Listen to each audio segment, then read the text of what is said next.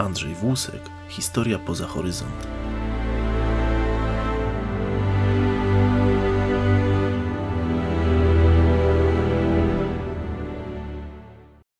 Wspominając wielkie odkrycia geograficzne, przed oczami mamy głównie Amerykę i czasami Azję.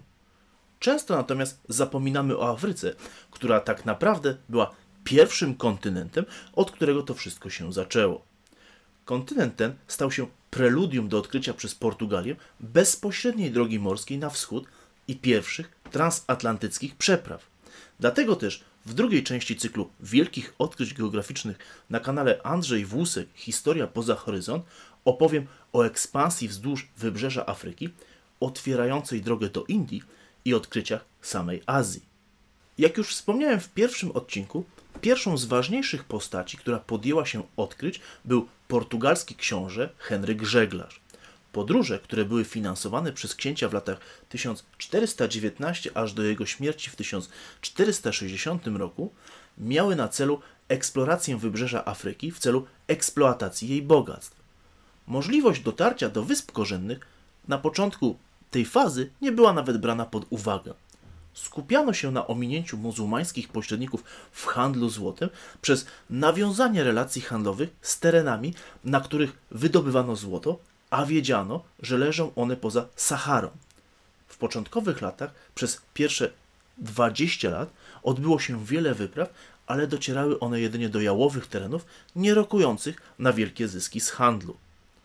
Przełom nastąpił, gdy w latach 1444-45 udało się Portugalczykom dotrzeć do południowych granic Sahary i odkryć bardzo ważną dla tego regionu rzekę Senegal. Ujście tej rzeki obfitowało w dużo żyźniejsze i przez to bardziej zamieszkane tereny, potwierdzające dowody na istnienie złota.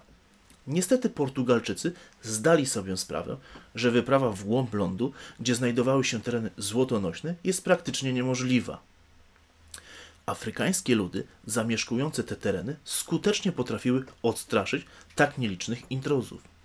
W takim wypadku penetracja mogła się odbywać jedynie drogą wodną, a do tego nadawała się tylko żeglowna rzeka Gambia. Prymitywna broń palna i niezbyt wielka ilość poszukiwaczy nie mogła sobie w żaden sposób poradzić z przeważającą ludnością tubylczą.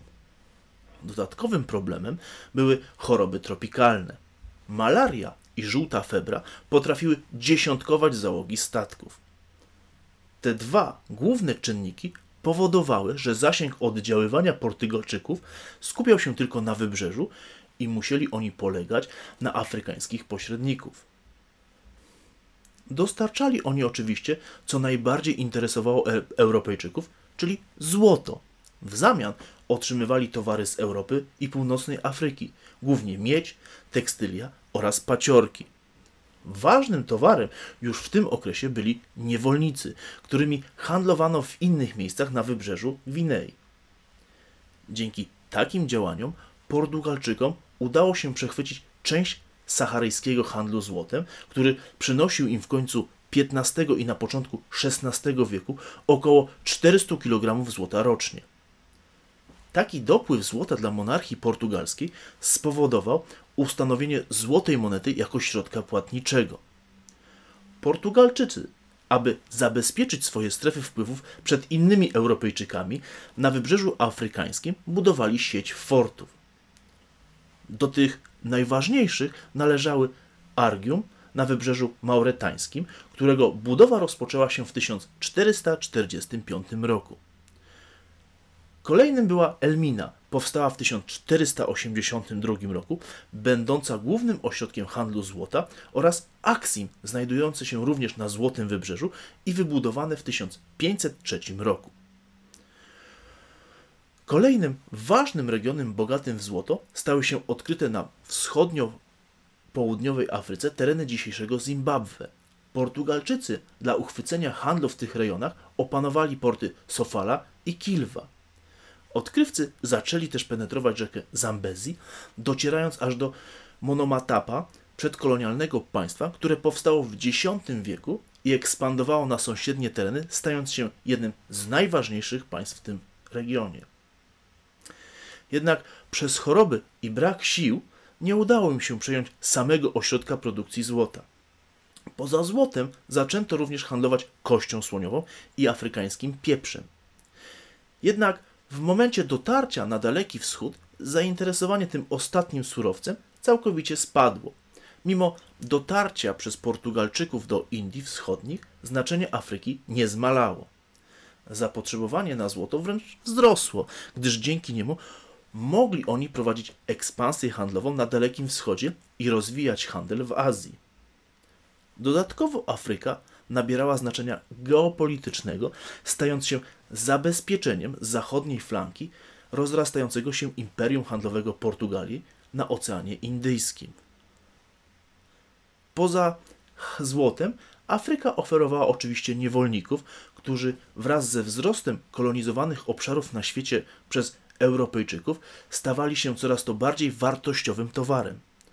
Początkowo pozyskiwano niewolników poprzez najazdy na wybrzeże, jednak z czasem, gdy popyt na tego typu towar rósł, to pod koniec XVI wieku byli już kupowani od tubylców zajmujących się tym procederem na większą skalę.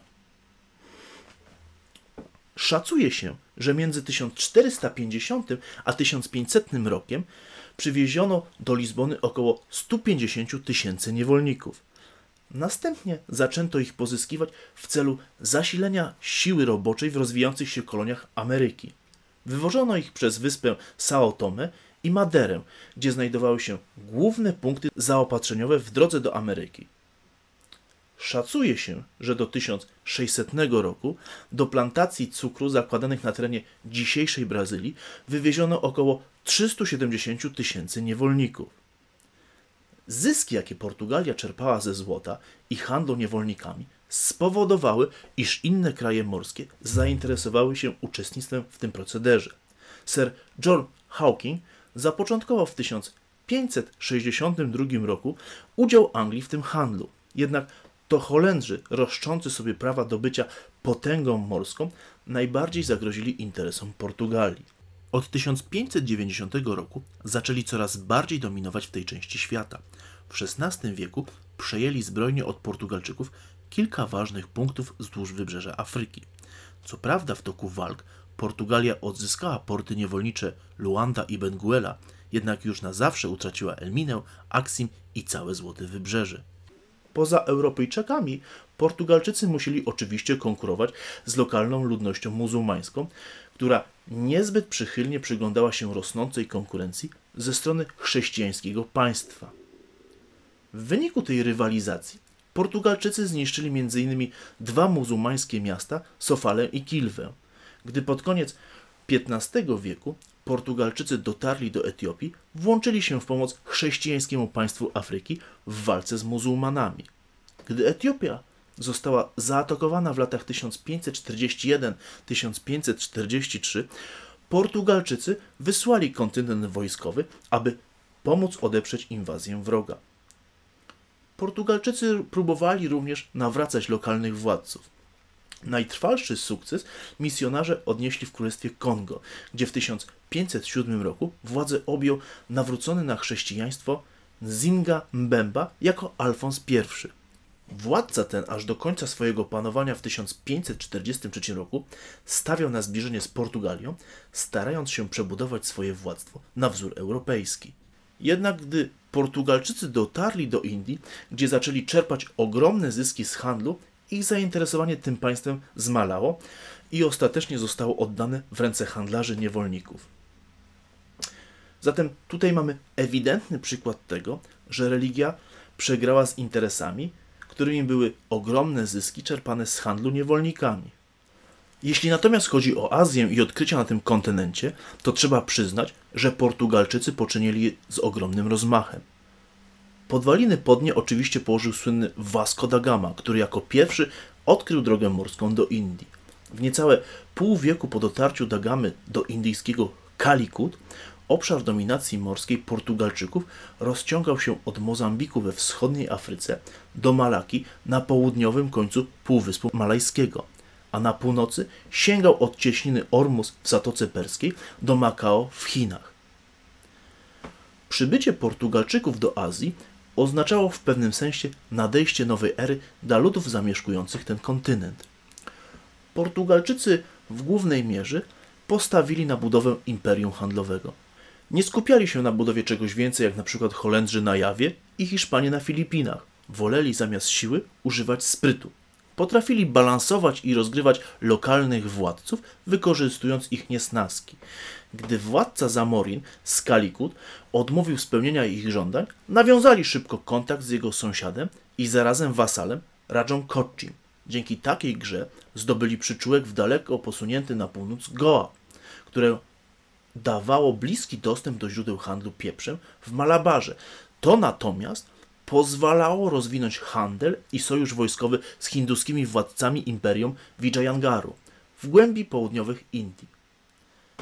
Brak jedności lokalnych władców pozwalał Portugalczykom zabezpieczyć swoje interesy handlowe, jednak mimo tego nie pozwalało to na stworzenie stałej kolonii ze zwartym terytorium administrowanym przez nich. W przeciwieństwie do lądu, oczywiście na morzu Portugalczycy mieli ogromną przewagę. Statki lokalnych władców, może poza chińskimi okrętami, nie były budowane do walki morskiej, a jedynie do handlu. Dodatkowym atrybutem były oczywiście działa, w które były wyposażone europejskie statki, co mimo znacznie szczuplejszych sił od tubylców dawało ogromną przewagę. Bez żadnych skrupułów atakowano i niszczono konkurencyjne muzułmańskie jednostki. Jeżeli zachodziła potrzeba, to nie wahano się ostrzeliwać porty, aby przekonać opornych do swoich racji. W 1509 roku Portugalczycy odnieśli decydujące zwycięstwo nad połączoną flotą egipską i Gujarati pod Diu w zachodnich Indiach. Wśród lokalnych władców nie mieli sobie równych na morzach i mimo kilku porażek z flotą chińską w 1521 i w 1522 roku, ich panowanie na wodach nie było zagrożone przez prawie 100 lat, aż do pojawienia się na Oceanie Indyjskim Holendrów i Anglików. Panowanie na morzu dawało Portugalczykom ogromną przewagę i mimo, że przeciw sobie mieli potężne azjatyckie mocarstwa takie jak Chiny pod panowaniem dynastii Ming, perskie imperium kierowane przez dynastię Safawidów, czy też wojownicze państwo Vijanagar w południowych Indiach, to potrafili rozdawać karty w tej części świata. Wymienione państwa czerpały swoją siłę i bogactwa z uprawiania ziemi i handlu wewnętrznego, lecz brakowało im czynnika handlu morskiego, który w tym wypadku zapewniali właśnie Portugalczycy. Z drugiej strony władcy tych mocarstw nie widzieli zagrożenia dla ich potęgi lądowej ze strony Portugalczyków, dlatego też nie podejmowali przeciw nim większych akcji. Sprawy religijne były odkładane na bok i mimo, że podejmowano pewne próby nawracania, czy to siłą, zwłaszcza w Afryce, czy też wysyłając misje, nie były one celem samym w sobie. Siły używano nie tylko w sprawach religijnych, ale też i handlowych. Wartym uwagi było to, że Europa w tym czasie, może poza miedzią, nie miała czego zaoferować w wymianie handlowej z Azją i Afryką. Dlatego też głównie zawoziła towary do Europy, a sam handel towarami był uprawiany między Afryką i Azją. Handel na Oceanie Indyjskim funkcjonował poprzez złożoną sieć wymiany regionalnej. Różne obszary produkowały różne towary. Na przykład bawełniane tekstylia z Indii były głównym przedmiotem handlu z Afryką Wschodnią, gdzie były wymieniane za złoto i kość słoniową. Handlowano nimi również z wyspami indonezyjskimi w zamian za przyprawy korzenne. Widzimy tutaj, jak bardzo ważnym czynnikiem dla sukcesu Portugalczyków w Azji była zatem Afryka. Dzięki jej bogatym złożom złota Portugalczycy mogli nawiązać stosunki handlowe z Azją. Dobitnie przekonał się o tym sam Vasco da Gama, który przybywając w 1498 roku do Kalikut bez powodzenia chciał nabyć drogocenne przyprawy, za nic nie warte w tym regionie szorstkie tkaniny europejskie. Taki obrót spraw spowodował, że Portugalczycy, nie mogąc konkurować towarami z kupcami muzułmańskimi, musieli często sięgać po argument siły i to ona na początku utorowała Portugalczykom drogę do sukcesu handlowego w Afryce i Azji. Ojcem portugalskiego sukcesu był Afonso de Albuquerque, będący wicekrólem Indii portugalskich. W tym czasie opracowano podwójny system kontroli morskiej i handlowej. Pierwsza część systemu polegała na zajęciu i utrzymaniu niewielkiej liczby strategicznie lub handlowo ważnych miejsc, z których możliwe były przynajmniej teoretycznie, nawet przy ograniczonych zasobach Portugalii, zdominowanie najważniejszych szlaków handlowych. W tym celu zdobyli w 1510 roku Goa, które stało się centrum handlu Portugalii z Indiami i Oceanem Indyjskim oraz stolicą administracyjną na wschodzie. Natomiast na zachodzie Oprócz Mozambiku zdobytego w 1502 roku i Mombasy opanowanej w 1505 roku na wschodnim wybrzeżu Afryki, w 1515 roku Portugalczycy zajęli Ormus, zdobywając tym samym kontrolę nad Zatoką Perską. Nie wszystko jednak przebiegało po ich myśli. Nie udało mi się opanować w 1513 roku, jak i w 1548 roku Adenu, co dawało im kontrolę nad Morzem Czerwonym. Jednak, tak jak mówiłem wcześniej, mimo że nie mieli sił na lądowe walki z potężnymi państwami regionu, to na morzu nie mieli sobie równych i dlatego wykorzystywali tę przewagę, wysyłając co roku flotę z Goa do blokowania muzułmańskiego handlu z Morzem Czerwonym. Na Dalekim Wschodzie udało im się w 1511 roku opanować Malakkę, Kontrolując tę cieśninę, zdobyli władzę nad głównym punktem odbioru przypraw z wysp indonezyjskich, jak i zarazem głównym morskim szlakiem handlowym, który pozwalał wyjść bogatym Chinom na Ocean Indyjski. Jeszcze dalej na wschód Portugalczycy zajęli wiele wysp produkujących przyprawy, zwłaszcza Moluki, które były głównym źródłem gałki muszkatołowej, muszkatołowca korzennego i goździków. Oczywiście Portugalczykom udało się również zdobyć przyczółki w samych Chinach i Japonii, pozwalając tym samym przeniknąć w struktury handlu w tych dwóch państwach.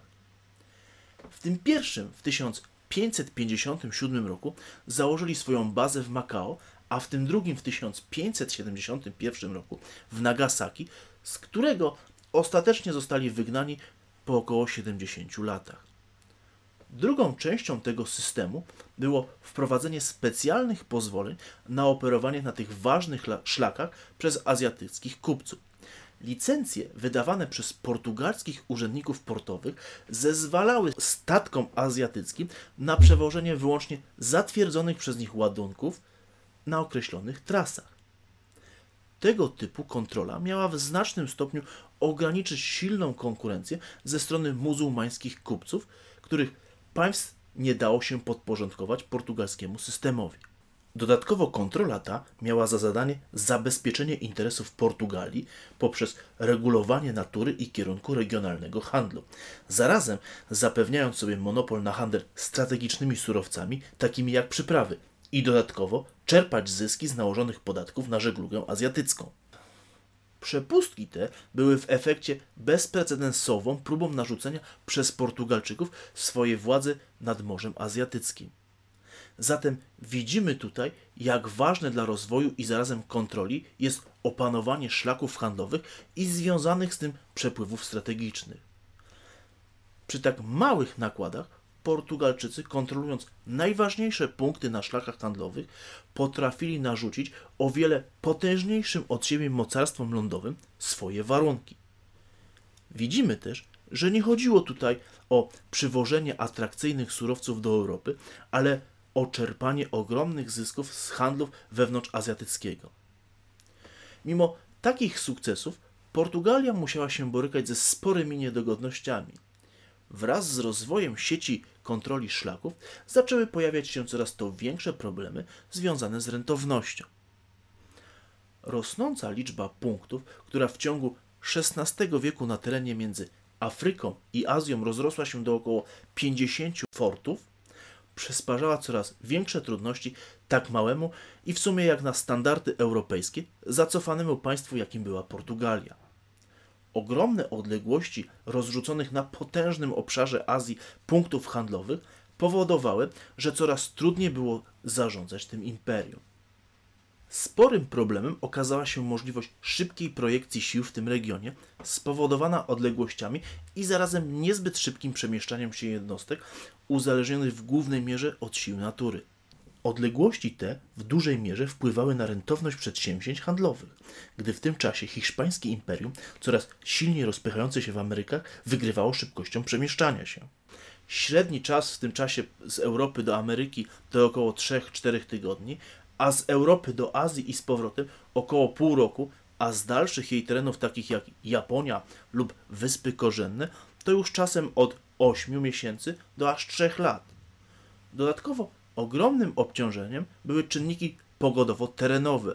Opłynięcie przylądka Dobrej Nadziei lub walka z tajfunami na Morzu Chińskim były bardzo ryzykowne i tym samym dodatkowo obciążały rentowność imperium. Jednak mimo tych niedogodności Portugalczycy radzili sobie bardzo dobrze, a największym zagrożeniem dla handlowego imperium Portugalii okazali się sami Europejczycy. Pierwsi na tym terenie pojawili się Holendrzy, którzy już w 1590 roku zaczęli eksplorować te tereny. Oczywiście już niebawem sami zaczęli coraz bardziej rozpychać się w dominium handlowego imperium Portugalczyków. W 1598 roku założyli pierwszą placówkę handlową na Jawie w Bantam. Widząc jak bogate są te tereny, powołali do życia w 1603 roku holenderską kompanię wschodnioindyjską w celu umocnienia swojej pozycji w tej części świata. Już niebawem w 1619 roku założyli na Wyspach Korzennych siedzibę swojej kompanii w Batawii, czyli dzisiejszej Dżakarcie. Pozwoliło im to zmonopolizować rynek korzenny. W ciągu następnych 60 lat Holendrzy odebrali Portugalczykom wiele z ich najcenniejszych punktów handlowych, w tym Malakkę, Cochin, Colombo i wypędzili ich z Nagasaki. Na skutek tego imperium handlowe Portugalii zaczęło słabnąć, a rosnąca w siłę Holandia zaczęła narzucać swoje panowanie na tym terenie. W 1652 roku Holendrzy założyli również stację zaopatrzeniową na przylądku Dobrej Nadziei, która miała stać się rdzeniem ich, a później brytyjskiego osadnictwa w Afryce Południowej. Holendrzy po odrzuceniu panowania hiszpańskiego oraz wysoce efektywnemu systemowi bankowo-finansowemu stali się potężną republiką, która swój dobrobyt zawdzięczała handlowi morskiemu, czyniąc z niej tym samym najważniejszy ośrodek handlowy w Europie. Ich szybki rozwój pozwolił stworzyć im największą na świecie flotę morską, co wraz z posiadanym przez nich ogromnym kapitałem pozwoliło im efektywniej od Portugalczyków zarządzać imperium handlowym w Azji. Imperium kolonialne Holendrów było głównie nastawione na zysk, zatem ich niedoinwestowane siły zbrojne nie były wystarczające, aby odstraszyć w późniejszym czasie takie potęgi morskie jak Anglia czy Francja. Ale temat rywalizacji Holandii i Anglii w tej części świata to już temat na inny odcinek. W następnym odcinku z cyklu Wielkich Odkryć Geograficznych na kanale Andrzej Włusek Historia poza horyzont omówię zagadnienia związane z Ameryką. Zanim jednak się pożegnamy, to zachęcam Cię do pozostawienia swojego komentarza, dania łapki w górę oraz subskrypcji kanału. A jeżeli uważasz, że to co robię jest warte Twojej uwagi, to możesz wesprzeć mnie poprzez Patronite lub aplikację, w której można postawić mi wirtualną kawę. Serdecznie zapraszam i do zobaczenia wkrótce.